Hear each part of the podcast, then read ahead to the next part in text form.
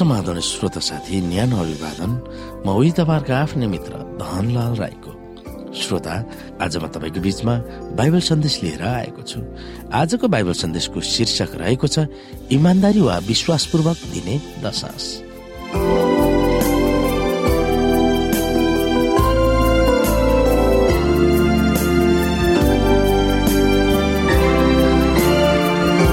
श्रोता साथी परमेश्वरका छोराछोरीहरू भएर परमेश्वरका आशिषहरूलाई जतन गर्न जिम्मेवारी हामीलाई सुम्पिएको परिप्रेक्ष्यमा हामी के हुनु पर्दछ भनेर एक कुरन्ती चार अध्यायको एक र दुईले बताउँदछ। यहाँ यसरी मानिसले हामीहरूलाई ख्रिसका सेवक र परमेश्वरका रहस्यहरूका भण्डारे ठान्नु पर्दछ त्यसबाहेक यो आवश्यक छ कि भण्डारीहरू विश्वासयोग्य ठहरिनु पर्दछ श्रोता दशास दिनेमा पारदर्शी इमान्दार र विश्वासिलो हुनुपर्छ भनेको के हो? दशासको मामिलामा के के तत्वहरू सामेल भएका छन् भनेर हामीले यस अध्यायमा हेर्दै जानेछौ। एकमा हामीले आय आर्जन वा हाम्रो लगानीबाट बढेको आमदामीको दस प्रतिशत।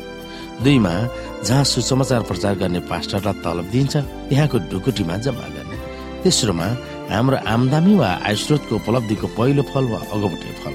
चौथोमा उचित कामको निम्ति प्रयोग अर्थात् परमेश्वरको सेवा कार्यको निम्ति सहयोग गर्न।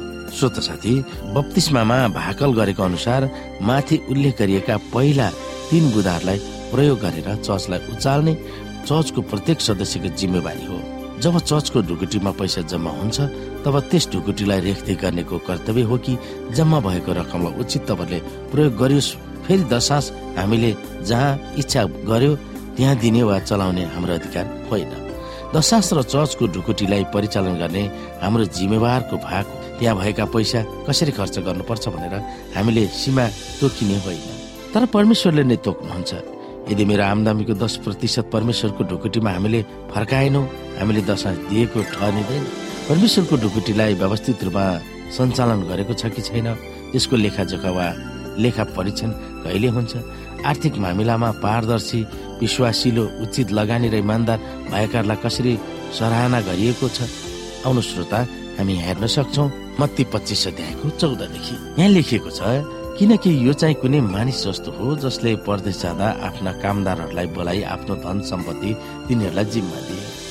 तिनले हरेकलाई तिनीहरूका आफ्नो योग्यता अनुसार एउटालाई पाँच सुनका सिक्का अर्कालाई दुई र अर्कालाई एक दिएर तिनी गइहाले। तब पाँच सुनका सिक्का पाउनेले तुरन्तै गएर त्यो व्यापारमा लगाइकन अरू पाँच सिक्का कमायो। त्यसरी नै दुई सिक्का पाउनेले पनि अरू दुई सिक्का कमायो।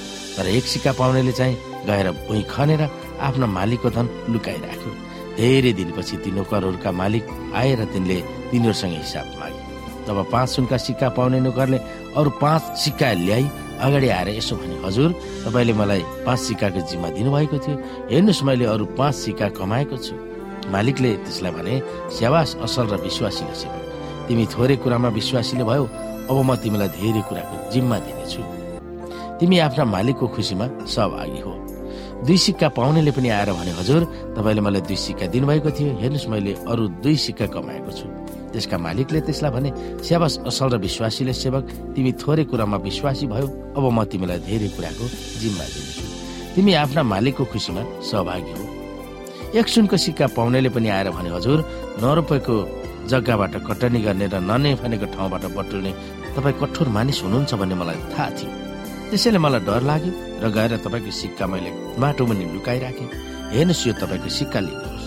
त्यसका मालिकले त्यसलाई जवाफ दिए ए दुष्ट अल्छे सेवक नरोपेको ठाउँमा कटनी गर्छु र ननी फनेको ठाउँबाट बटुल्छु भने तिमीले जानेको थियो भने तिमीले मेरो धन साहुका राख्नुपर्ने थियो र आएर मैले मेरो धन ब्याज समेत फिर्ता पाउने थिए। त्यसकारण त्यसबाट त्यो सिक्का खोस र जससँग दस सिक्का छ त्यसलाई दियो।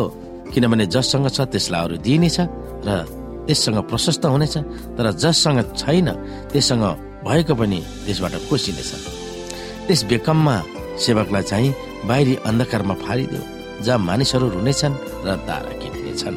स्वत साथी यहाँ परमेश्वरले तिम्रो सबै दशास ढुकुटीमा ल्याऊ भन्ने परमेश्वरको सल्लाह अर्थी होइन तर आदेश हो। यहाँ दशास ल्याऊ भनेर चर्चले त्यसप्रति आभारित हुनुपर्ने वा उत्तरदायी कदर गर्नुपर्ने आह्वान गरिएको छैन। यसुलाई विश्वास गरेर उहाँको भावनामा भावित भएर इमान साथ चलेको छ कि छैन भन्ने सरल मामिला हो। दशास हाम्रो अधिकार होइन यो परमेश्वरको हो र यो उहाँकै हो भनेर फर्काउनु उहाँले हामीलाई निर्देशन दिनुभएको छ। परमेश्वरको निम्ति व्यवस्थित गरेर चल्नु विशेष अवसर हो र हाम्रो जिम्मेवारी र कर्तव्य पनि हो। उहाँले हामीलाई आशिष दिनुहुन्छ र सम्भार गर्नुहुन्छ। त्यसको बापतमा हामीबाट केवल दस भागको एक भाग मात्र उहाँलाई फर्काउनु भनेर उहाँले भन्नुभएको छ।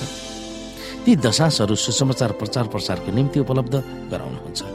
पौराणिक इजरायलमा बाह्र कुलहरूले परिश्रम गरेर दशास मन्दिरमा भित्र्याउनु पर्थ्यो ताकि एक कुल लेबीले मन्दिर सञ्चालन गरेकोमा उसलाई तलब दियोस्। त्यसरी नै एडभान्टेज चर्चका सबै सदस्यहरूलाई पास्टर हुन अपेक्षा गरेको छैन तर पास्टर नहुने सदस्यहरूले आफ्नो आय स्रोतबाट ती पास्टर तथा सुसमाचारको निम्ति पुरै समय दिनेलाई दशांश तथा भेटी चर्चको ढुकुटीमा जम्मा गर्नु पर्दछ भनेर भनिएको छ। श्रोत साथी कतिपय एडभान्टेजहरू नै तिनीहरूको तिनीहरूले दिएका दशांशलाई चर्चले कसरी प्रयोग गर्छ त्यसप्रति सहमति नभएको कारणले आफू खुसी त्यसलाई प्रयोग गर्ने मनस्थितिमा हुन्छन्। यद्यपि परमेश्वर आफैले भन्नुभएको छ दशांश मेरो ढुकुटीमा ल्याऊ। के दशांश उचित तरिकाले प्रयोग गरेको छ कि छैन भनेर मूल्याङ्कन गरेर मात्र दिनु भन्ने परमेश्वरको आदेश छ त? त्यो विषयमा हामी सोच्न सक्छौ।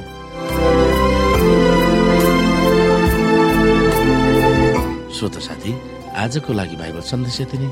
हस्त नमस्ते। जय मसिंह।